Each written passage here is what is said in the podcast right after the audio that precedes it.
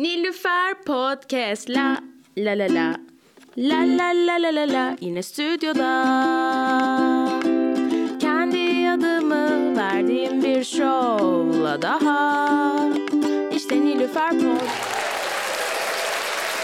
Merhaba, bir tane daha Nilüfer Podcast bölümüne hoş geldiniz. Ben sunucunuz Nilüfer. Ee, bugünkü konuğumuz Cüneyt Nergis. Cüneyt'ciğim hoş geldin. Hoş bulduk Nilüfer. Nasılsın? İyiyim sen nasılsın? Ben de iyiyim. Nasıl gidiyor hayat? Neler yapıyorsun? Vallahi her şey yolunda. Ben iş ve sahne beraber götürüyorum. Evet, iş ve sahneye Gündüz. beraber gir. Sen de bir Aynen. komedyensin. Evet. Ee, ne kadar Aynen. oldu şimdi? Başlayalım. Ee, Ya benim e, değişik biraz. Ben 2019'da ilk sahneye çıktım. Aa, Ama sahnede hiç e, konuşamadım.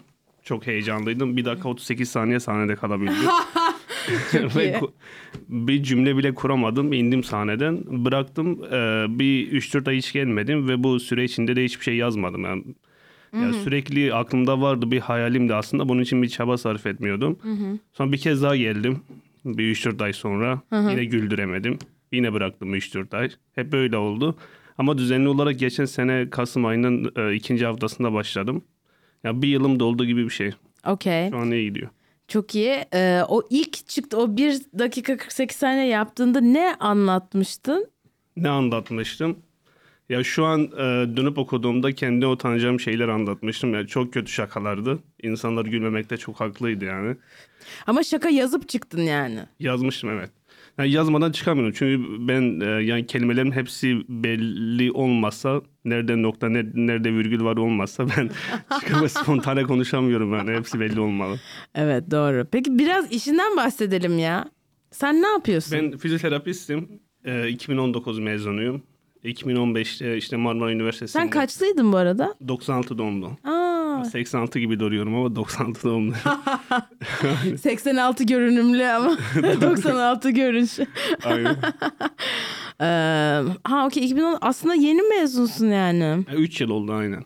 Ama işte pandemi girdi falan filan. Pandemi aynı kapanmıştı. Fizyoterapi yapıyorsun. Peki onun için şey okumak gerekiyor mu? Ee, pre-med işte ee, şey yani Ya dört- doktorluk. Yok hayır 4 yıllık bir lisans bölümü. Ya ben doktor olamadım. Yani tıp fakültesi kazanamadım. Diş hekimi de Tıp kazanamadım. fakültesi. Okey evet. Ve sınava hazırlandığım dönemde anksiyete falan vardı bende. Psikolojik rahatsızlıklar oldu. Bu yüzden ya bir sene daha hazırlansam gidebilirdim. Ailem de çok istiyordu zaten. Ama yapamadım. Bu bölümde o zamanlar iyiydi. Ama ben üniversiteye girdiğim zamanlar bu yavaş yavaş düşüşe geçti. Ve şu an çok fazla mezun var. Aa. Devlete atanmak için yani KPSS'yi full çekmek gibi bir şey yani. Hatasız bir kol olmak lazım. Ha. Peki ne oluyor mezun olunca staja mı giriyorsun? Mezun olunca yok direkt 4 yıllık bir lisans bölümü zaten. Bitirdiğinde e, işe başlayabiliyorsun. Özel kliniklerde başlayabiliyorsun. Atanabiliyorsun. e, ya da özel eğitim merkezlerinde çalışabiliyorsun. Ben şu an bir özel eğitim merkezinde haftanın 5 günü çalışıyorum. Ama pazartesileri çalışmıyorsun. Evet. Pazar Cumartesi pazartesi. çalışıyorsun. Aynen cumartesi çal- çalışıyorum. E, tatil günleri pazar pazartesi. Severek yapıyorsun ama galiba işini. Çok da değil ya. Öyle mi? Aynen.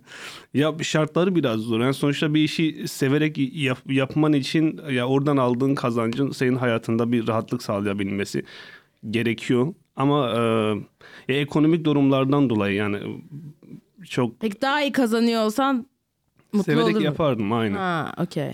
Ya insanlarla bu iletişimim çok iyi değildi çocuklarla falan ama bu bölüm sayesinde şu an daha çok pediatrik e, hastalar alıyoruz ve ondan dolayı şu an e, yani çocuklara olan sevgim arttı. E, severek yapılır ama ekonomik durumların iyi olması lazım. Ya bu arada çocuklarla çalışmak çok zor olmalı. Evet ben ilk başlamda çok zorlandım. Üzücü değil mi yani hani?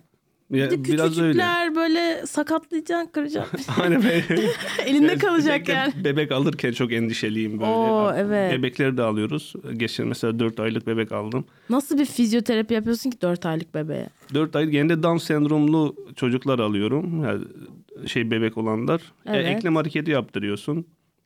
Onlarda Şey, çok eklemlerinde eklem dolaşım hareketi olmuyor mu? Eklem hareketi oluyor da bir şey yapmak lazım. Ya düzenli yapılması gerekiyor. Hmm. Çocuk biraz e, kasları hipoton oluyor. Yani kas tonusu düşük oluyor. Yani yumuşak oluyor kasları. E, ve ondan dolayı eklem hareketi yaptırıyorsun. ayakta durdurmaya çalışmak Spor değil. yani. yaptırıyorsun. Aynen spor yaptırıyorsun. Sadece Ha, dolaşımın artması için aynen. Hmm. Dolaşımı arttırmak için onu yapıyoruz. Ha, Peki ha, peki ne tür şeyler geldiğinde böyle heyecanlanıyorsun? Hani aa tamam bunun üzerine hani ilginç bir şey olacak, farklı bir şey olacak bu falan. Ya ben e, bir açık konuşma gerekirse e, ya mesleğimde kendimi çok geliştirmedim.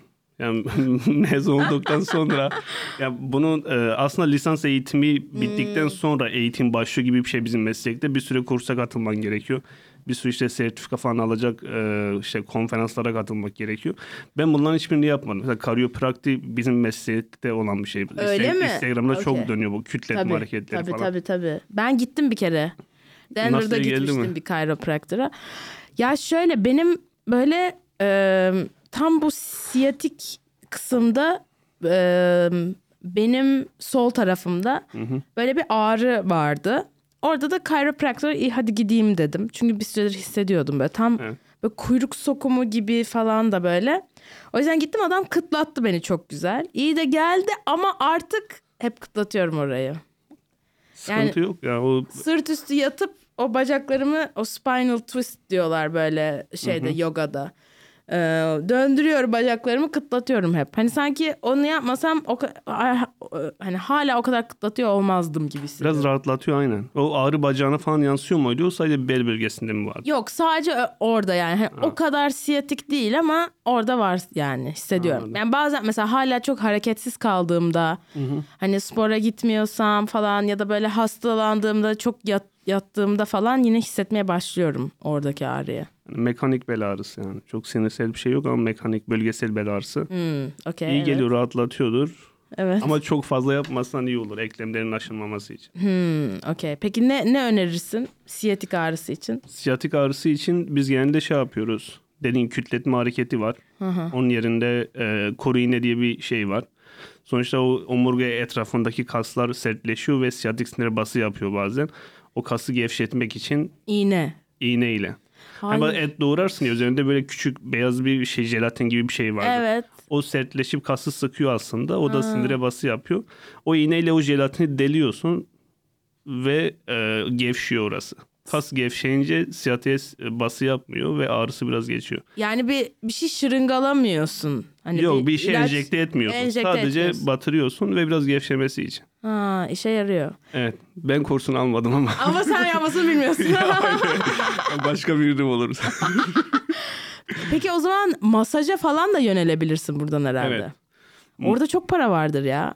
Ama ben masaj yapmayı sevmiyorum. Ben insan bedenine e, ya bazı insanlar arış dokunmayı sevmiyorum. Ha dokunmayı se- o zaman çok zor senin iş. Evet. Çünkü geçen bir fizyoterapi arkadaşım geldi. Bir kası spazma girmişti, sertleşmişti. Bir krem sürmüştü. Bunu yedirebilir misin dedi. Ben iğrendim. Hayır yediremem dedi. Aa. Aynen. Yani bir tek romantik partnerlerine mi dokunmayı seviyorsun? Evet. Onlarda pek fizik tedavi ihtiyacı olmuyor. Dokunması daha zor Yani oluyor. tedavi amaçlı değil yani. Daha çok beyin tedavi amaçlı. Peki şey oluyor mu hiç böyle mesela bir hasta geliyor ve o hastaya halleniyorsun. Yok hiç öyle e, beni şanslı hissettirecek bir hastam olmadı. Yok öyle bir şey asla yani. Ha. Sonuçta bir sadece e, sağlık amaçlı yani öyle bir şey hiç. Hipokrat yemini diyorsun. Hipokrat yemini ayrı. Aldın, yaptın mı Hipokrat yeminini? ya bir yemin yaptık ama Hipokrat değiliz. ne olduğunu bir yemin yaptık ama unuttum şimdi. Na- na- nasıl bir yemindi? Biraz hatırlamaya çalışsam. Valla e, hiç hatırlamadım. Yurdumu, milleti. Aynen. Ya insanlara işte faydalı ulaşama dair falan. Ama e, uzun bir cümleydi. Yani onun için hatırlayamıyorum şu an. Peki nasıl böyle toplu mu yaptınız yoksa teker toplu teker? yaptık. Şey töreninde, mezuniyet töreninde bütün arkadaşlarla beraber toplu yaptık. Yani birisi söylüyor sonra siz tekrar ediyorsunuz. aynen öyle. Ya orada bile ben tekrarlayamadım. Şu an hatırlamam mümkün değil yani. O zaman yapmadın aslında yeminini. ya vallahi iyi olacağım dedim sana. Vallahi iyi olacağım. Söz veriyorum bakın. aynen öyle. Hmm, anladım. Peki e, komediye geri dönecek olursak sen hep komik miydin? Ben mi? Ben e, küçüklüğümden beri komiktim yani. Ama şöyle mesela küçükken de böyle annem falan pancar tarlası oluyordu. Oraya gidiyorlardı teyzemlerle beraber. Onlar aynı Cüneyt'i de getirsene bizi güldürür diye. Ben gidiyordum ve e, 7-8 yaşında onları güldürüyordum. Yani saçma sapan şeyde daha çok ailemizin sırlarını anlattığım için belki gülüyordu kadınlar ama. Ailenin sırlarını anlatıyordun. Aynen. Aa karı huylu derler. Aynen. ama e, arkadaş çevremde çok komiktim ama arkadaş çevrem çok yoktu yani. Ben çok sosyal biri değildim. Ama e, yani tanımadığım biri ortama girince çok bile şey oluyordum. Yani çekiniyordum, bir kenara çekiliyordum, susuyordum, konuşamıyordum. Ama bir de samimi olduğum ortamlarda gene de komiktim yani güldürüyordum arkadaşlarımı. Peki sence de bu bir savunma mekanizması mı? Komik olmak, komik olmayı istemek. Bence savunma mekanizması. Bence var olan yani travmatik olaylardan ya da kötü hayatından e, kaçmak üzerine kurulu bir şey. Ya benim için en azından öyle yani. Ben bazı şeyleri unutmak için belki de hatırlamamak için sürekli böyle alaycı bir şekilde sürekli yani gerçeklerden uzak yani troll bir şekilde yaşıyorum. Ben iş yerinde de öyleyim yani. Yani sürekli bile olmayan şeyleri hep ya söylediklerimizin yüzde doksanı şaka yüzde onu yalan gibi bir şey benim ya. Hiç yani daha çok gerçeklerden kaçmak için yaptığım bir şey. Ve çok hoşuma gidiyor yani. İşe yarıyor çünkü. Evet. Peki küçükken o 7-8 yaşındaki şey neydi? Ya, ya her şey ya bizim inekten bahsedip insanları güldürüyordum yani. Ama ya o zaman neden kaçıyordun? O zamanlar e, ya o zaman bir travman yoktur. Ya vardır da bunun belki farkında değilsindir. O zamanlar bunu kaçmak için yapmıyordum. E, Ve içgüdüsel olarak içgüdüsel olarak aynı. Bence komedi yatkınlığın vardı. Evet bence içgüdüsel bir şey yani. Mesela ben ilk böyle ayaktayıza falan çıktığımda ilk ayaktayız gösterimde geçen işte Aralık gibi geçen senenin. İşte Akın dedi setinde çok profesyonel bir şey var dedi. Halbuki bunların hiçbirinin farkında da değilim yani. Yani bence komedi ya da komiklik içgüdüsel bir şey yani. Şeyin e, neydi adamın adı? St- Steve Myers mı bu şeyi oynayan adam? Neyse bizim okula gelmişti bir seminer şey vermeye masterclass ve şeyden bahsediyordu böyle bir e, yeni bir skill öğrendiğinde daha doğrusu böyle sanat alanında falan böyle şey diyor böyle x ve y e, çizgilerini çizmişti. Böyle diyor ki önce işte e, sağ altta başlıyorsun. Burada e, yaptığın şeyde kötüsün ve kötü olduğunu bilmiyorsun. Sonra bir üst yere geçiyorsun. Burada yaptığın şeyde e, kötüsün ama kötü olduğunun farkındasın. Sonraki evrede yaptığın şeyde iyisin ama niye iyi olduğunu bilmiyorsun. Sonraki e, yerde de yaptığın şeyde iyisin ve neden iyi olduğunu biliyorsun. Ve adam şeyden bahsediyordu. Yani bütün kariyerin boyunca böyle spiral olarak bu böyle başa dönüp başa dönüp işte öğreniyorsun, bilmiyorsun, biliyorsun. Sonra baştan bir şeye başlıyorsun. Niye hani kötü oluyor, niye olmuyoruz biliyorsun falan. Ee, birazcık da öyle olmuş aslında senin için gibi duyuluyor. Ben sanki üçüncü şey üçüncü koyduğun noktadayım. Yani iyiyim ama niye iyi olduğumu bilmiyorum. yani. Bilmiyorsun şu anda. Evet. Evet. Ama yavaşça bence o sonraki şeye geçeceksindir yani. Bir de çok yenisin aslında. Bir sene yani hiçbir Bir şey. sene oldu aynen. Yani şöyle ben aslında bu işe hiç uygun biri değilim. Gerçekten stand-up'a hiç uygun biri değilim. Ben böyle özgüvenli, ya istediği gibi konuşan sosyal biri değilim yani. Sen anlamamıştın o zaman stand-upçıları. Ya, ya olabilir. böyle değil çünkü. Hep, Ben- Hepsinde özgüven problemi var. Anladın mı yani? O fake o şeyler bir Ama şöyle özgüven maske. problemi sahneye çıkmadan önce 10 dakika içinde çok belli oluyor. Herkes gergin duruyor şey oluyor. Ama sahneye çıktıklarında bu mesela hiç belli olmuyor. Ama ben sahnede de belli ediyorum. Ve ben videolarımı izliyorum. Hep saçma sapan şeyler yap. Mikrofon başla uğraşıyorum. Pantolonumu düzeltiyorum. Elim, elimi kaşıyorum. Bunların hepsi aslında o sahnede ne yapacağımı bilemememden kaynaklı. Elimi kolumu nereye koyacağımı bilmiyorum. Ama o kısmı bence deneyimle alakalı. Yani sen daha önce sahneye çıkıyor muydun? Ee, yok. Hiç çıkmamıştım. Yani İşte- Sayı Tuzber stand-up işte çatısı altında çıktım sahneye. İşte öyle düşün yani senin ilk sahne deneyimin bu. Yani o hani o 10 bin saat şeysi var ya muhabbeti var ya duydun mu hiç bilmiyorum. Duymuşum. evet. Ee, hani bir şeyde eksper olabilmek için çok iyi olabilmek için o 10 bin saatini vermen gerekiyor diyor adamın teki hatırlamıyorum kim. Adamın teki anonim ya. Ee, ve şey onunla alakası var yani o senin içindeki özgüvensizlikten çok e, yeterince sahne deneyimin olmadığı için. Yani belki o hala özgüvensiz olacaksın içinde ama sahnede nasıl olman gerektiğini biliyor olacaksın.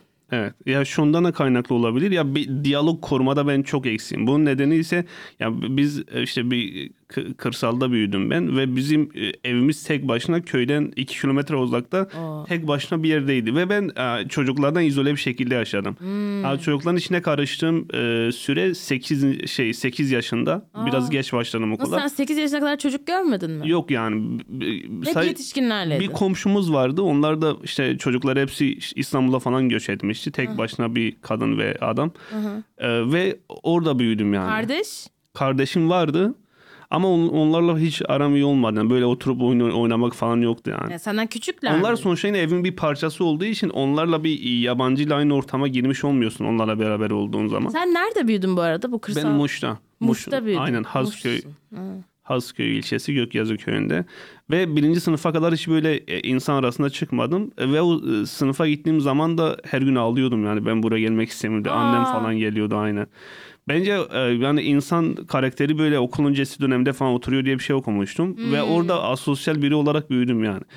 Diyalog kurmada, konuşmada falan çok zorlanıyorum.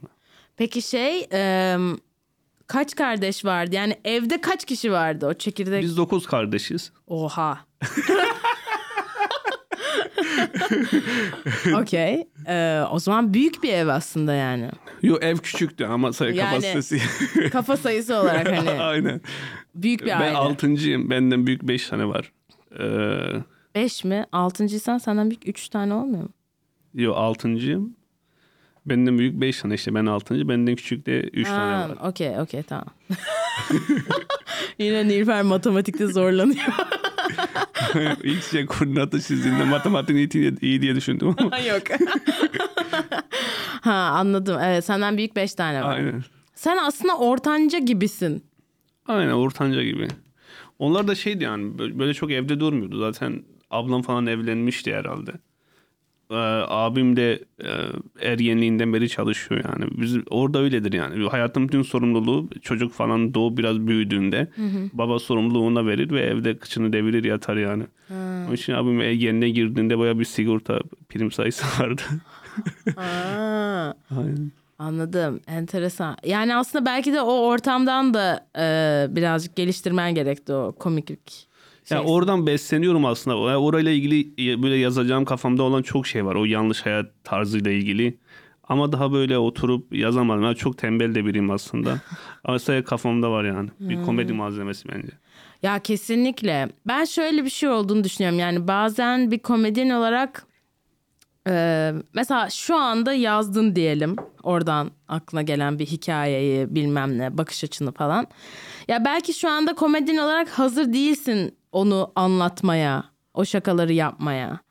Yani öyle bir durum olduğunu düşünüyorum. Yani ben hani daha hazır olduğunda belki de onları anlatabileceksin. İşte daha psikolojik sahnede daha rahat Ha, aynen. hissettiğinde, daha deneyimli olduğunda, birazcık daha özgüvenli olduğunda bu konuda.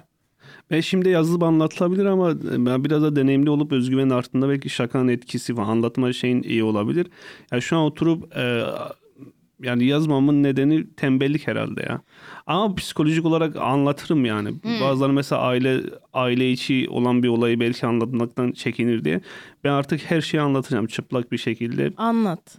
Bence böyle olmak gerekiyor yani. Ne var aklında? Ya sonuçta mesela aile içi şiddetle yazmayı düşünüyorum. Bu çünkü bizim ailemizde ya da sadece bizim aile değil benim yaşı, onların hepsi hayatları sanki mükemmelmiş gibi davranıyor diye aileler. Ve mesela annemle ilgili bir şey anlattım İbrahim Selim'de. Herkes yüklenmişti işte bu çocuk ailesiyle ilgili nasıl böyle konuşur diye falan. Aileni hiç böyle rezil eder misin diye. Aa, Halbuki olayların hepsi o civarda yaşayan bütün ailelerde olan ama onların gizlediği olaylar.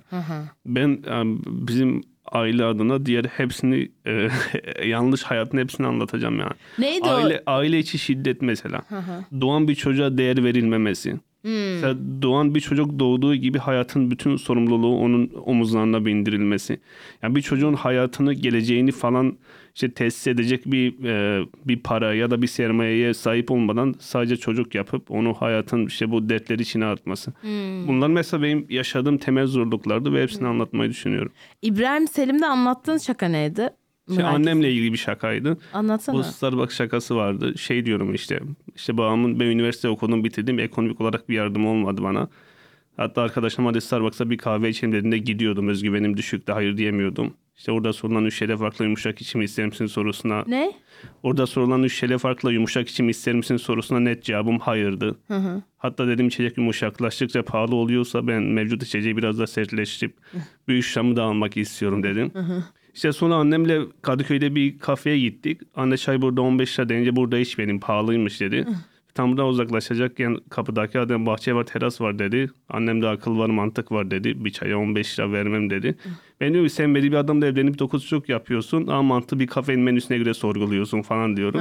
işte buna şey yapmıştı. İşte sevmediği bir adamla evlenmek falan diye. Ha. Orada biraz baskı olmuştu anneme ama tamamen doğru olan şeylerdi. Ha annene baskı olmuştu. Ha, aynen. Ha bu hani nasıl ailenle ilgili böyle konuşuyorsun dediğin YouTube yorumları falan sandım ben. Yok hepsi bizim Sizin köydeki tanıdık- kadınlar aynen. Aa, evet. Onların telefonu falan interneti çok yok da çocukları falan izleyip gösteriyorlar onu. Aa, evet. Ama sen şu anda umrunda değil modundasın. Ya umurumda değil yani. Ben şu an geçen bir şaka paylaştık. Tamamen ekonominin kötü olmasıyla ilgili bir şakaydı. Herkes işte dine saldırdığımı düşünüyor. Aşağısında katıksız orospu çocuğu falan yazmışlar. İşte Tevbe suresini paylaşmışlar. Umurumda değil yani. Nasıl geldin peki böyle bir şeye? Böyle bir kafaya yani hani. Ben de bil- yani ben mesela çok el alem ne der şeysi çok var bende. Yani öyle gözükmese de.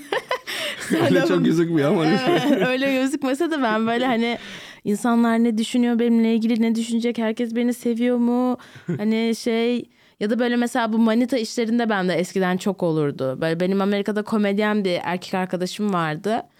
Ee, ve böyle mesela toplum içindeyken ona asla dokunmuyordum böyle asla yaklaşmıyordum çünkü o benden daha deneyimli bir komedyendi ve böyle o gösteriler koyuyordu ve onun gösterilerine çıkıyordum ben ve böyle hani insanlar işte böyle beni kayırdığını sanmasın diye işte böyle Ha. benimle ilgili farklı düşünmesin diye böyle çocuğa asla dokunmuyordum yani hani böyle o tür el alem ne der kim ne düşünür şeysi çok vardı bende ki ben çok e, large tırnak içinde bir ortamda Aynen. büyüdüm yani annem aşırı feminist hiç muhafazakarlık yok yani sen nasıl böyle bir kafaya gelebildin? Ya şöyle bu işi yapıyorsan bence bu kafada olman gerekir. Yani bunun başka bir yolu yok. Çünkü insanlar sonuçta bir şeyler anlatıyorsun ve e, birbirinden çok farklı şeyler. Ya insanlar elbette bir kesim alınacak biraz ve mesela ben bir şaka anlatmıştım. Çıkışta birisi bana çok güzeldi ama işte o yara kelimesi- kelimesini çok kullandı dedi bana. E tamam ben o şakayı çıkarayım o zaman. Ertesi gün barda çalışan Diyarbakırlı bir arkadaş ya o Kürt şakası benim biraz üzdü. E onu da çıkarayım tamam mı? Dinle ilgili şaka yaptım. İşte Nur Cemalettin arkadaşım kızdı. Ya bu beni alındı, alındım buna. E onu da çıkarayım. Hiçbir şey kalmıyor elinde. Evet. Yasaya gelip selam verip gidebiliyorsun. Çünkü onun için, onun için yani bunları hiç takmamak gerekiyor bence. Ve psikolojik olarak ben buna hazırım yani. Ben ya kendimi gözlemlemeyi bilen biriyim. Yani birisi benimle ilgili yanlış bir düşüncede olduğunda aa, yani bir ilk başta biraz şey yaparım aslında takarım ama yani bunun böyle olması gerektiğini düşünüp yani onu sallamayacaksın işin gereği olarak. Yani işte sen aslında hani özgüven problemin olduğunu falan söylüyorsun ama bence bu özgüveni yüksek bir insanın düşünme tarzı. Ya işte şöyle ya doğru olanları bi- bilmek ve uygulamak bence çok farklı şeyler. Ya bunların doğru olduğunu biliyorum. Ya uygularken birazcık korkuyla da olsa bunu uygulamak gerekiyor yani. Ama özgüven şöyle. Ben her sahneden önce çok heyecanlanıyorum. Ya diyorlar küçük tatlı bir heyecan oluyor. Ya Küçük tatlı değil yani. Böyle mideme falan ağrılar giriyor. Ağzıma acı bir tat geliyor her sahneden Senin öncesi. sıçman gerekiyor ama o çok olur komedyenlerde. Yok ben çok sıçmıyorum. Onu evde hallediyorum. Ama sürekli e, yani e, e, işiyorum yani. İkide bir gidip geliyorum oraya. Ha evet evet. Öyle bir şey oluyor. Ama sahneye çıktığında yani ilk bir kalkaya alıyorsun ya. Seyircinin tam bugün iyi geçecek fikri geldiği anda rahatlamaya başlıyorum.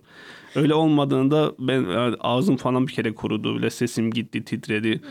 Su içiyorum fayda etmiyor. Ömer Armankay'ın açılışındaydı. Ağzım kurudu, sesim çıkmadı yani. Aa, En son indim ya. nasıl geçti? Kötüydü ya. Kötü mü geçmiş? Aynen kötü geçti. Ee, ama sende birazcık şey var bu. Sahneye çıkar çıkmaz insanlar gülüyor. Yani tipine gülüyorlar. Aynen öyle bir şey var Bu bende. çok iyi bir şey. Ya da çıkıyorum ben Kürdüm diyor. Herkes gülüyor yani. Evet.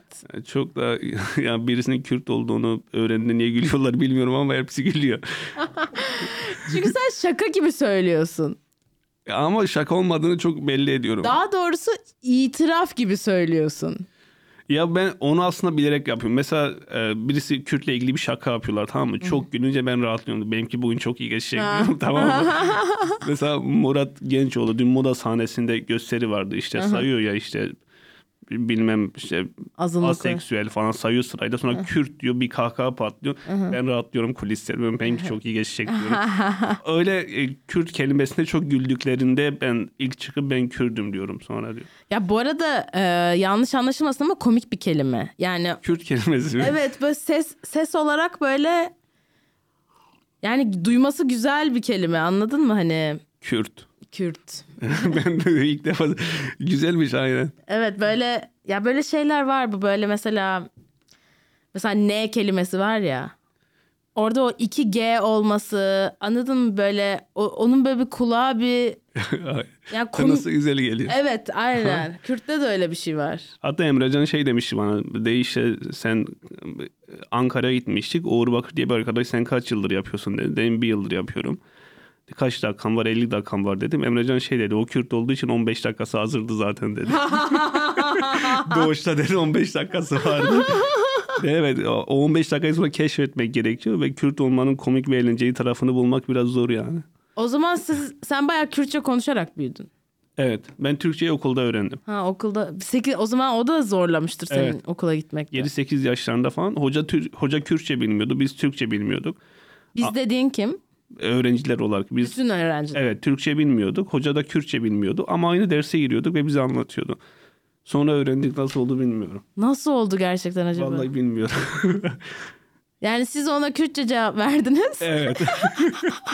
bilmiyorum nasıl hoca hoca Kürtçe bilmiyordu. Çünkü başka bir yerden batıdan bir yerden atanıp gelmişti oraya ve Kürtçe bilmiyordu. Onun Bize için bu arada korkunç bir şey. Çünkü bir sınıf dolusu senin bilmediğin dili konuşan bir hani şey aralarında konuşuyorlar. Onları susturamıyorsun falan. Çok zordur hoca Aynen. için. Burada da ona empati kurmam ne kadar doğru bilemiyorum. Ee, bana Kürtçe bir şeyler öğretmek ister misin? Ne istiyorsun sen? Yani öğreteyim yani. Sence ne bilmem gerekiyor? Yani Nilüfer Kürtçe şunu bilsen iyi olur. Ya Kürtçe e, kendini tanıtmayı, nasılsın, iyi misin demeyi. Evet. Merhaba nasılsın? Benim adım Nilüfer. Mesela. Ha, de- e, merhaba bize yine aynı kelime. Merhaba. okey. Ama biraz şey gırtlaktan söylüyorsun merhaba. Merhaba. merhaba. Merhaba. Adım Navemi demek. Navemi. Navemi Nilüfer. Navemi Nilüfer. Senin adın ne? Senin adın ne? Navit Eçiye. Navit Eçiye. Navimi Cüneyt. Merhaba. Navit Eçiye. Navit Eçiye aynı senin adın. Ee, merhaba Navimi Nilüfer. Evet. Navit Eçiye. Navimi Cüneyt. Nav isim demek. Te sen demek. Çiye de ne. Nav- Senin adın ne? Navit Eçiye. I var mı orada? Nav I Teçiye. Ha, e, şey I var. Hmm. Navide. Peki memnun oldum.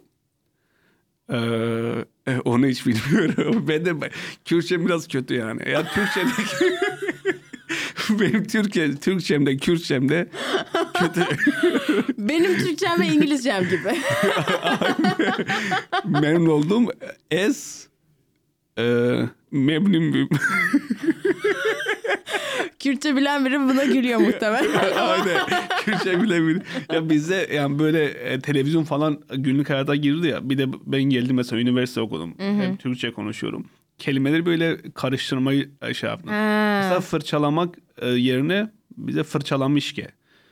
Dişi koy fırçalamış ki. Mesela dişini fırçala böyle koyuyor. Gelmek yerine aslında vere demek gerekiyor. Ben gelmiş ki. Gitmiş ki. Yani böyle saçma sapan bir şey oldu. Anladım. Abi Kürtçe bir kitap okusam anlamam yani.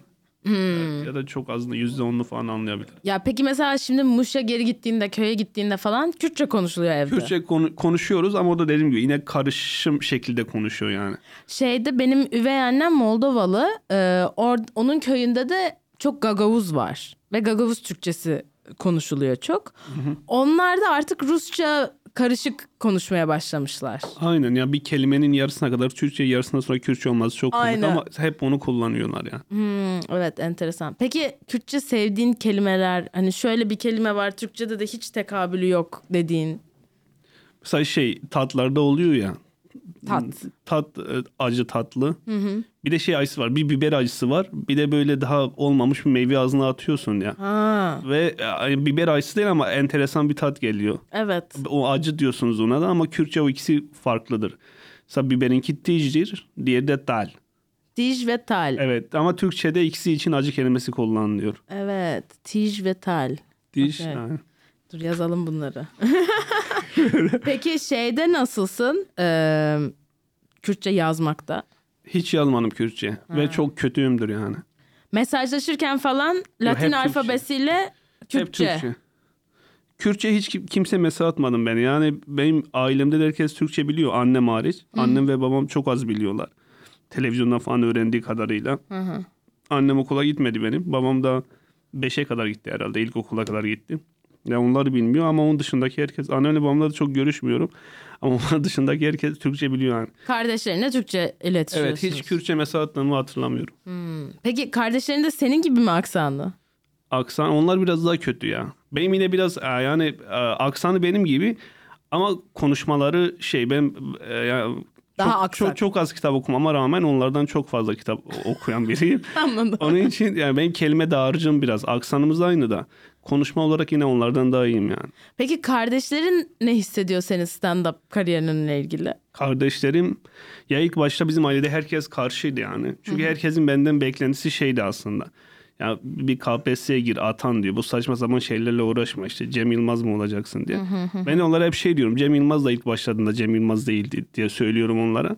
Ve hep çok Sen karşıydılar. açıklamaya çalışmışsın onları. Çok açıkladım yani çünkü çok karşıydılar. Ya ben öğrenciyken e, abimle aynı evde kalıyordum. Abim çalışıyordu o zamanlar. Matbaada çalışıyordu. Ve ne zaman eve gelse ben Cem Yılmaz şeyini izliyordum. Ve Cem Yılmaz'ı da 2018'de ilk izlemeye başladım. İlk Tamam. o an haberim oldu. Aa, Oha. Ve skecini izliyordum. Diyor ki işte niye çalışmıyorsun bunu izliyorsun. Ve hep karşıydı. Ben de hep diyordum izliyordum onu hiç bırakmadım. Ve şu an yapıyorum. Şu an hafif bile para kazanmaya başladım. Günden beri artık kimse sesini çıkarmıyor. Aa, evet. Yani şu an artık şey saygı duymaya başladılar. Ve takdir de aa güzelmiş aslında ben de yapayım falan diyorlar. Senin yani Cem Yılmaz'la başladı aslında merakın. Merakım nasıl başladı? Ya bir tane FETÖ'cü arkadaşım vardı. O zaman da FETÖ'cü müydü? Ya o zaman yok daha şeydi. Güncel durumları teorist değildi yani.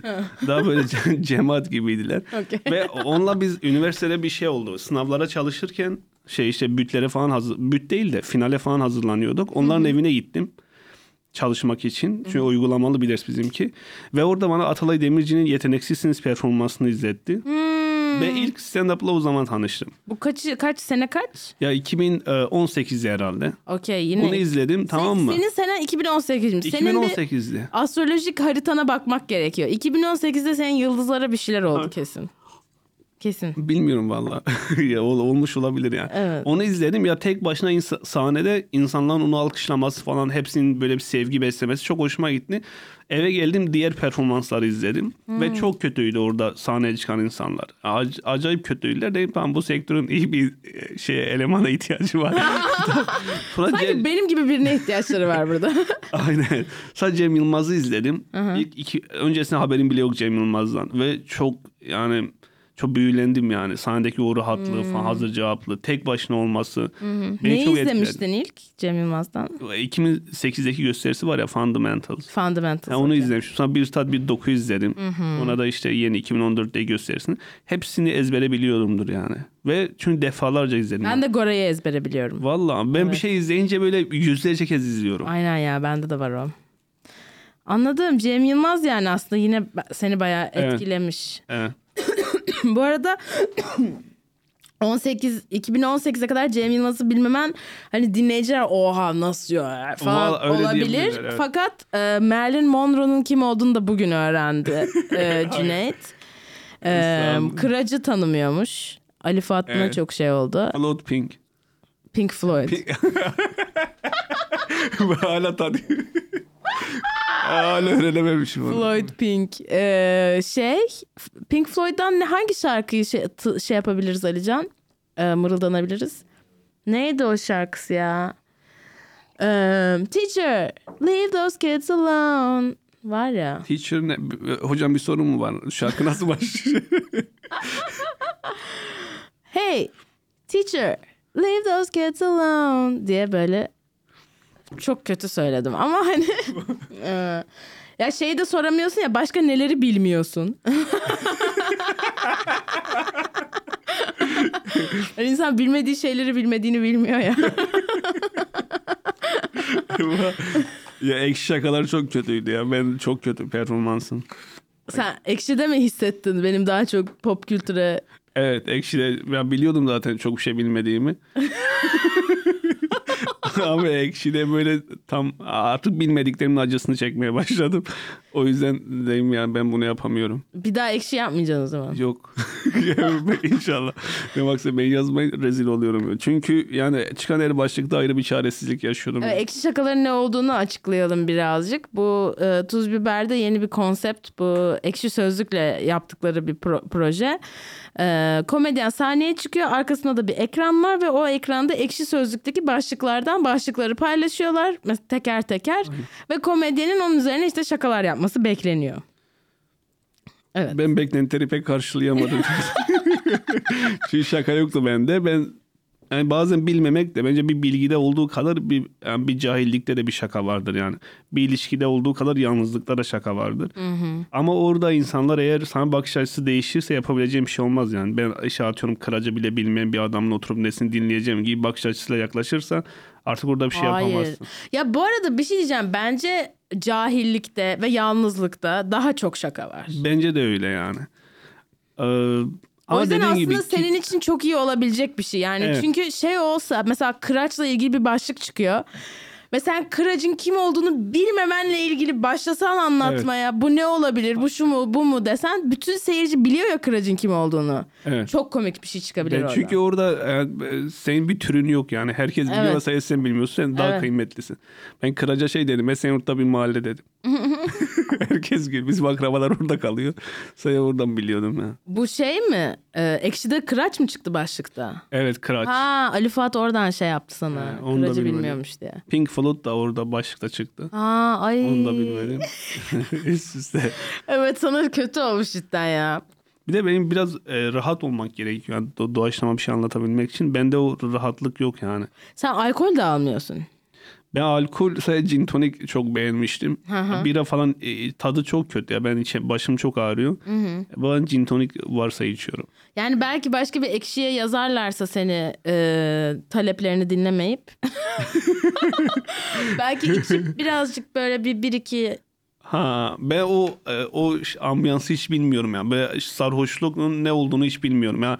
Hiç öyle çok sarhoş olmadım. Ya içtim ama hep böyle kafam yerindeydi. Ya öyle sarhoş olunca bir şey çıkar mı ağzımdan komik falan. sarhoş değil. Ya benim için sarhoş birazcık şey hani yani çakır keyfin bir üstü. Hmm. Yani böyle biraz çakır olsan ya da en azından kimyasal olarak vücudunu rahatlatacak bir e, miktarda alsan o Ama zaman ben şey çok- olabilir. Ya vücudumu rahatlatsa da kafamı doldurmaz yani. ya ben çünkü gene de çok bir şey bilmiyorum ya hayatta dair. Çakma alabilir miyim? Ha, tamam. Evet. Bence bir etkisi olmaz ya. Onun için en iyisi uzak durmak yani. Şahit talepleri olmaz. Olmaz zaten yani. Benden daha iyileri var yani kesin. Peki o zaman şunu merak ediyorum. Sen e, stand-up'a başlaman aşk hayatını nasıl etkiledi? aşk hayatı, benim aşk hayatım en başından beri çok kötü. bu bu hayat tarzımdan kaynaklı bir şey. Yani ben mesela liseyi falan ya benim büyüdüğüm yer aslında e, bu cemaat dediğimiz yurtlarda ben büyüdüm yani. Çünkü babamın ekonomik durumlarından kaynaklı. Ve orada da sürekli bu tür konulardan uzak durmamız falan söyleniyordu. Ve e, bundan dolayı ben hiçbir zaman kızlarla diyalogda ya da bir kız düşürmede başarılı biri olmadım. ben. Peki sonra stand-up'la birazcık değişmiştir gibi Ya hissediyorum. stand-up'ta e, değişiyor biraz. Ya Yani benim şey- DM'ler falan. DM'ler geliyor biraz ama ben yani ben muhabbet yürütemiyorum. Bu yani e, artık karakterimi DM'de bile mi yürütemiyorsun? DM'de de yür- yürütemiyorum yani. Çünkü hani bir şey söylediğimde sanki ya bana çok komik geliyor. Ben aslında onunla konuşmak istemiyorum ama yani bir ilişki olsun diye konuşmak e, çok saçma geliyor bana. Niye konuşmak istemiyorsun? Ya diyelim ki bir kızdan tamam mı? Sadece onunla aranda bir şey olsun istiyorsun. Aslında ona karşı böyle çok hakiki bir sevgin yok tamam mı? Ha, sadece Ya fiziksel mesela- olarak a- Aynen. Ve bu bisiklet sürmeyi çok seviyor. İşte ben de e, atıp işte bisiklet sürelim bir falan diye oradan yürümek falan bana çok şey Yanlış geliyor. ama bunlar böyle olmamalı ki zaten. Ha işte dediğim gibi ben ya bilmiyorum ya bunun yordamını yöntemini bilmiyorum. Ya ve e, ya yaşadığın hayat geçmişin bir 8-9 yılın senin hayatını şekillendiriyor biraz. Sen birazcık seni yani e, bazı konularda ben geri kaldım açıkçası. Bu e, ikili ilişkilerde kız erkek meselesinde çok e, geri kaldım. Ama çok sevdiğim biri olursa bir gün olur inşallah. Şu an yok ama kimse. Hiç aşık oldun mu? Hiç aşık oldum mu? Ya, üniversitede aşık olmuştum Ha. bir kıza. Bunu şakamda da anlatıyorum zaten de. Ya Evet. sevmiş ama konuşamıyordum yani. Ha Ya doğru sen üniversitede- uzaktan seviyorsun. Evet, onu se- ben de öyleyim bu arada ya. Söyleyemiyorum ya. Benim üniversitede hayatım hemen kitabımı alıyordum. En arkada bir yere oturuyordum. Ve hep böyle amfinin önünde konuşan 4-5 tane kalabalık vardı. Ve en büyük hayalim bir gün onların arasına karışabilecek sosyallikte olmak. Ve hiç olmadı yani. O kızla da hiç konuşamadık yani. Hep mesaj mesajla mesaj atıyordum ona işte. Geceleri mesajlaşıyorduk. Aa, nasıl Ama- aldın numarasını? şeyde WhatsApp grubundan. Facebook'tan yazışıyorduk genelde de. Facebook'ta mesaj atıyordum. Orada da şöyle oldu. Ben o zamanlar bir cemaatte kalıyordum. FETÖ bitmişti. Başka bir cemaat. O bitince başka yere geçtim. Çünkü ekonomik olarak yani senin bir yerde kalmam gerekiyordu. Evet. Orada kaldım. Ve bundan dolayı üniversitedeki arkadaşlarım da hepsi onlar da bu, bu kafadaki insanlardı. İşte cemaat kafasında, Nur cemaatinden. Muhafazakar yani. Evet, Aranızda da muhafazakar. konuşmuyorsunuz karı kız falan. Evet konuşmuyoruz ve ben e, sınıfta mesela akşam mesajlaşıyorduk onunla. Ertesi gün sınıfa gidiyordum. Onunla konuşma yanına gidip konuşamıyordum. O arkadaşlar bana bakış açısından dolayı Ha. yapamıyordum. Dolayısıyla okulda yüzüne bakmıyorsun tamam mı? Akşam eve gidip mesajla nasıl mesaj atıyorsun? Çok saçma gelmeye başladı. Sana mı ona mı? Ona da saçma geldi. Bana da çok saçma geliyordu Dedi mi yaptığım yani niye şey. konuşmuyorsun benimle diye? Yo, öyle söylemedi. Ama e, içinden söylemese de bence şey yapmıştır. Yani düşünmüştür. Bu, bu çocuğun şey nasıl biri diye düşünmüştür. Olayı ne yani? Evet olayı ne diye. Sonra bir kere işte dedim Perşembe günüydü işte. Pazar günü işte oturup bir çay kahve içelim diye mesaj attım. O da tamam dedi. Evet. Perşembeden pazara kadar hiç konuşmadım. Pazar 5'te falan buluşacaktık Üsküdar'da. Evet. Hiç konuşmadım. Tam pazar 5'te ben geldim. sen neredesin diye mesaj attım ona tamam mı? Dedi Aa, sen haber vermeyince ben gelmeyeceksin sandım ama hemen geliyorum dedi tamam mı? Hah. Ve dışarıda çok feci bir yağmur vardı. Ben de işte o zaman dedim dur o gelene kadar akşam namazı kılayım dedim. ne? Çünkü ce- cemaatteydim yani o zamanlar namaz kılıyordum ve Mihrimah Sultan Camii'ye girdim. Cemaatle namaz kıldım. Tam çıkışta aradı bey neredesin dedi caminin avlusundayım dedi. Geldi. dedi oradan buluşacağız. Geldi. Sonra bir kafeye gittik oturduk tamam mı? Ben böyle Namazını da kılmışsın. Namazla kaldım yerinde. tamam mı? Hatta biraz mahcuptum Allah'a karşı. Çünkü biraz da yapacaklarımı biliyordu yani bir kızla oturup konuşacağım. Ve çok böyle gergindim. Kıpkırmızı olmuşum kızın yanında. Tamam böyle hiç bakamıyorum. Cümle kuramıyorum. O da yanımda oturuyor böyle. şey diyeyim ben senden hoşlanıyorum dedim. Bunu bin bir güçlükle söyleyebildim. Değil, ben hala sana karşı bir şey hissedemedim. Aa, Ben hissetmeyi düşünüyor musun dedim. Sen şey diyormuşum yani söylemeyin bekleyen başkaları var bana. O manaya geldi sanki tamam mı? Böyle bir 15-20 dakika konuştuk. Sonra ben cümle kuramıyordum. Bana ne ne düşünüyorsun dedi bana. Evet. O kadar. Dedim bir sonraki cümlenin yüklemini düşünüyorum yani. Ve o gün işte 15-20 dakika geçti. Sonra kalktık biz. Pek bir verimli olmadı. Çünkü dediğim gibi ben belki de diyaloğa girdim. Böyle aynı masaya oturdum. İlk, ilk kızdı herhalde. aa, O kalktı karşıya geçti. Ben de eve geldim. Hani pek fazla konuşamadık, şey yapamadık diye. bir namaz daha. Aynen yas yıkıldım mesaj attım. Mesaj dedim kusura bakma dedim biraz şey oldu. Yani bu- bu buluşmamız işte kötü geçti boşunaydı. Değil boşuna değildi öyle düşünüyorsan sen kusura bakma dedi. Ve orada da artık bile soğuma evresi başladı. Ve çok seviyordum onu yani. Mesela üniversite bittiğinde yaz saatinde gittiğinde okul açılana kadar her gün yani günleri iple çekiyordum. Tekrar onu görebilmek için. Peki tam senin için nerede bitti hikaye? Nerede bitti? Ya da Sonra- hala bitmedi mi? Yo bitti ya. Şu an geçen zaten yine Instagram'a şey attım. Mesaj attım ona işte nasılsın iyi misin falan diye. İyiyim falan dedi. Hatta buluştuk da ama e, o Ee? eski duygularım yok yani. ne yaptınız bayağı bu sefer buluşunca? Namazını kılıp mı gittiniz? Yo ben namaz kılmayı kaç 3-4 yıl önce bıraktım ya. Ne yaptık? İşte e, çay kahve içtik. Murat Boz'un konseri vardı ona gittik. Ama sonra Bayağı art- date yani. Evet ama sonra hiçbir şey hissetmediğimi fark ettim. Kahvaltıya falan da gittik. Bir böyle 4-5 gün takıldık. O eskide o kadar çok sevdiğim kız yani. Ve yaz saatinde 3 kaç gün 3 ay 90 gün boyunca Evet. baktığımda olan kız. Ona karşı hiçbir şey hissetmediğimi fark ettim. Allah Allah. Ve tamam dedim yani o zaman bir şey hissetmiyorsan işte kızı oraya buraya götürmenin bir anlamı yok dedim. Ve Artık ayrıldın mı kızla? Ne artık mesaj atmadım. O da bir şey demedi mi? Evet o da bir şey demedi yani. Ama zaten açılmadım yani. Ben hala unutamadım falan diyemedim. Sadece nasıl olduğunu merak ettim falan diye söyledim. Enteresanmış bayağı. Peki bu kız nasıl bir kızdı yani böyle e, modern bir kız mıydı? Ne bileyim, kapalı bir kız mıydı? Açık bir kız mıydı hani? Şey açık bir kız ama çok öyle modern falan değildi yani. Mesela ben mesela bir sürü şakamda küfür ettiğim için, Belaltı şeyleri anlattığım için mesela gösterime çağıramadım onu. Aa. Hayat tarzımızın çok farklı olması da şey oldu yani. Artık ama bayağı yollar ayrılmış gibi. Hani Evet, evet. onunla birlikte olabilmen için bu işi yapmaman gerekiyor falan gibi bir durum var anladığıma Ben bu göre. işi kimseye tercih yani kimseye değişmem. Değil mi? Bu iş benim için şey ya bu ben ne zaman mesela üzülsem başıma bir şey gelse bunu kağıda dökerim ve sonra bunlar bir şaka oluyor. Yani yanında hiç e, üzüntülü anında yanında kimse yokken kalemin ve kağıdın oluyor oraya yazıyorsun. Evet. E sonra kimse için bunları bırakmasın ya. Evet. Ben asla stand-up işi şu an benim hayatımdaki en böyle zevk aldığım, en keyifli yaptığım şey bir rüyada gibiyim yani. Çünkü sonuçta ya biz köyde yaşayan ve hayvanlarla uğraşan insanlardık. Şu an Kadıköy'de sahneye çıkıyorum ve insanlar alkışlıyor. Ya bence e, şey yapmakla buna gereken değeri vermek gerekiyor ve asla da bırakmayacağım ya. Ay çok güzel. Çok mutlu etti beni.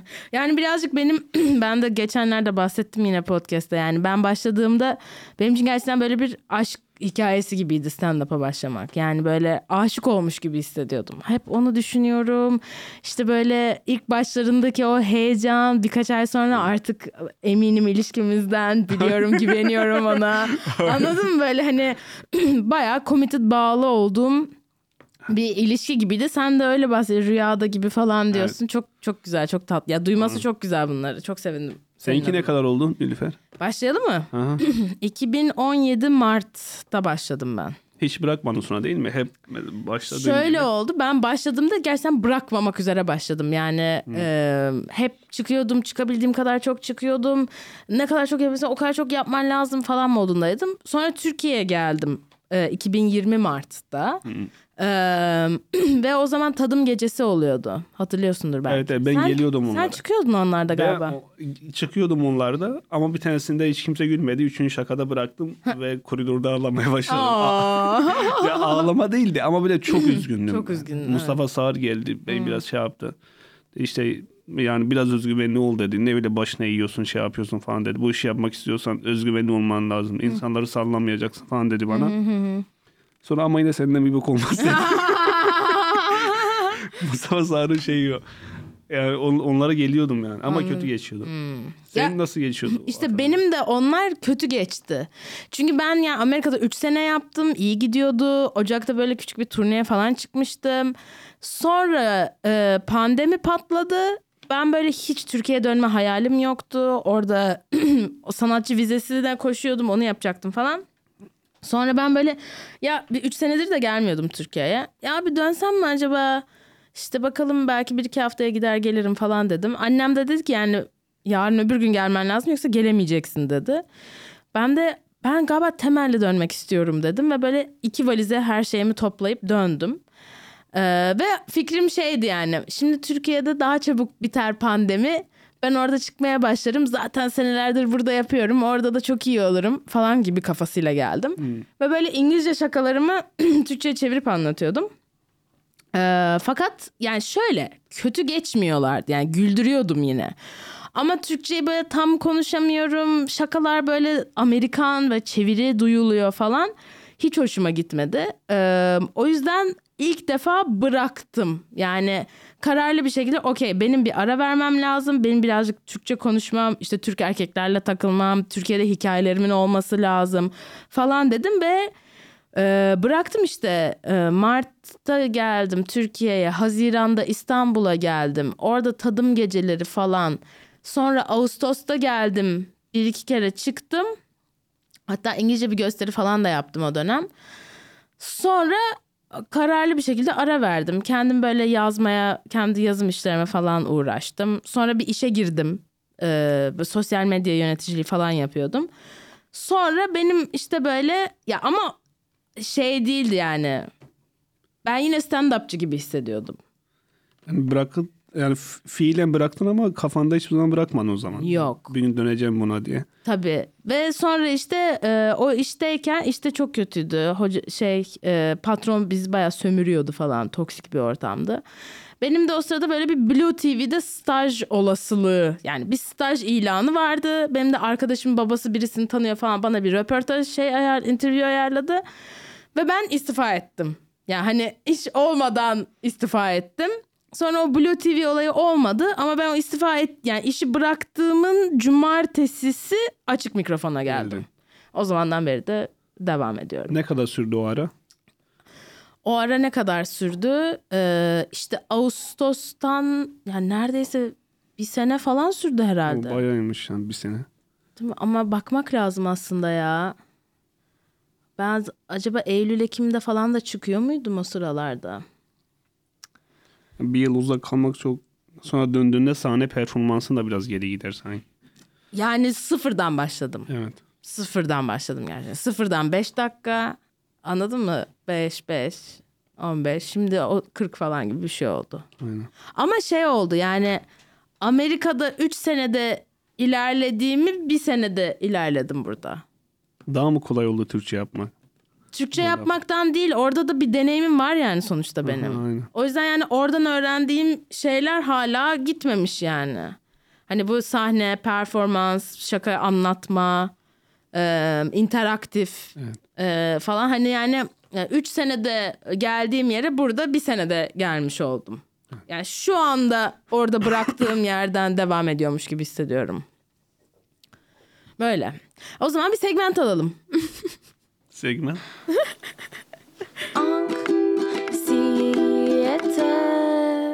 Evet, anksiyete. Ee, Anksiyetik biri misindir? Ve anksiyetem var ya. Hem de bayağı var yani. Ben yani şi- şi- şizofren gibi bir şeyim gerçekten. Ya bazen Klinik olarak mı yoksa hani? ya bazen öyle bir anksiyete şeyleri geliyor da. Mesela geçen e, çok komik gelecek belki ama bu yaşandı. Geçen bir sivilcemi patlattım. İçimden bir ses şu dedi. En komik şakaların oradaydı. Bir daha komik olamayacaksın. Ve buna inanıp üzüldüm biliyor musun? Bu sivilce neredeydi? Tam göğsümdeydi. Çok büyük bir sivilceydi o zaman. Yok o kadar şakam yoktu ki küçük Cidden bunu düşündün mü? Vallahi bunu düşündüm ve üzüldüm ya. Bu kadar yani bir gün bütün komikliğin gidecek diye sürekli endişeliyim. Hmm. Sürekli bir daha yazamayacaksın diye bir daha yani buraya kadar bir daha kariyerinde biraz daha ilerlemeyeceksin diye fikirler geliyor ve bu beni çok etkiliyor yani. Hmm. yani fiziksel olarak da gözümden yaş geliyor yani başım ağrıyor. Yani Rossa olduğu kadar fiziksel olarak da etkiliyor ve anksiyetem var yani çok yüksek bir anksiyetem. Ama bunda başa çıkıyorum yani çıkmaya çalışıyorum. Nasıl başa çıkıyorsun? Nedir metodların? Şu mesela o, o olumsuz düşünce geldiğinde eğer ona karşı güçlü hissedersen o bir anda yok oluyor yani. Ona karşı güçlü hissetmeye çalışıyorum. Ve hep olumlu düşünüyorum. O ne diyorsa ben olumlu tarafında mesela artık bir şey yazamayacaksın diyor. Ben her çok iyi şeyler yazacağım deyip buna odaklanıyorum.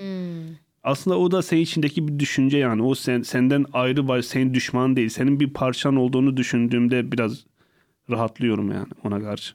Neyin senin bir parçan olduğunu? O kötü düşünce de sonuçta benim bir düşmanım değil diyorum. Benden bir parça diyorum ve ona karşı güçlü hissederek geçinmeye çalışıyorum. Onu da kabullenerek. Aynen onu da kabullenerek. Peki son büyük anksiyeten ne oldu? Yani bunu e, sivilceymiş galiba herhalde ama. yani böyle bu çok büyüktü bunu gereksiz abarttım. Aslında o kadar büyütülecek bir şey Evet. değildi dediğin.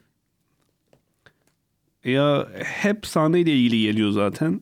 Mesela mesela otobüste giderken bir anda geliyor hani artık komik olmayacaksın diye. Benim her zaman en büyük anksiyetem sahneyle ilgili oluyor.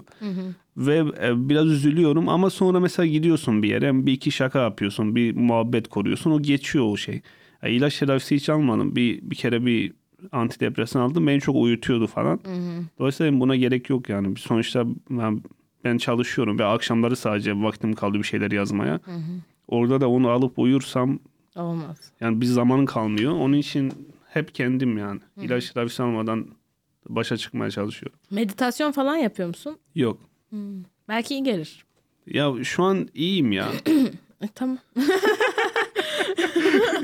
ben de kabasayı düşünüyorum. Tamam ne halim varsa gör. Tamam o zaman şimdi son bölüme geldik. Ee, 10 tane soru var. Böyle hızlı hızlı e, cevaplayabileceğin. Şıklı mı? Şıklı değil yok. açık açık uçlu sorular. Şıklı olsa çok komik olurmuş bu arada. Öyle bir şey de yapalım. Hayır. Ee, başlıyoruz o zaman. Başlayalım. en sevdiğin kelime nedir? Aynen. En az sevdiğin kelime nedir? Hiçbiri. Ne seni heyecanlandırır, yükseltir? Ee, iyi geçen sahne. İyi geçen sahne. Ee, Öyle diye kayıttayım. Ne seni düşürür, iter? Kötü geçen sahne. Hangi ses ya da gürültüyü seversin? Ezan falan ya hangi ses gürültüyü severim? Ya müzik işte. Ya, Godfather müziğiydi. Godfather müziği. Hangi ses ya da gürültüden nefret edersin? Hilti sesi. Hilti nedir ya? o ta ta Ta ta. ta ta. Ha, Aynen, geçen o. biri daha bunu cevap. Okey. Peki en sevdiğin küfür nedir? Ee, pezevenk. Küfür seviyor. En çok onu seviyor. Şu anki mesleğinden başka hangi mesleği yapmak isterdin? Ya ben tamirci olmayı çok istiyorum. tamirci böyle. Hmm. Neyi tamir etmek istiyorsun? Tornavida böyle genel teknik şeyler mesela bir şeyi tamir etmeyi çok seviyorum. Mesela Hmm. klima bozuldu onu bir şeyi söküp takmayı falan seviyorum. Tamirci olmayı isterdim herhalde. Peki hangi mesleği yapmak istemezdin? E, fizyoterapi. ya da berberciliği hiç sevmiyorum. Okey, son sorumuza geldik. Eğer cennet varsa incilerle kaplı kapılarına vardığında Tanrı'nın sana ne demesini isterdin? Ne bekliyorsun girsene içeri. Çok güzel. Ee, ne bekliyorsun? Ee, tekrardan gel. Ee, Cüneyt'ciğim çok teşekkür ediyorum Ben geldiğin teşekkür için. ederim Nilüfer. Ağzına sağlık. Sağ ol, Yine senin de. bekleriz. Görüşürüz. Görüşürüz. Bay teşekkür bay. ederim. Ben teşekkür ederim. Nilüfer Podcast la la la la La la la la la la yine stüdyoda verdiğim bir şovla daha. İşte Nilüfer Pod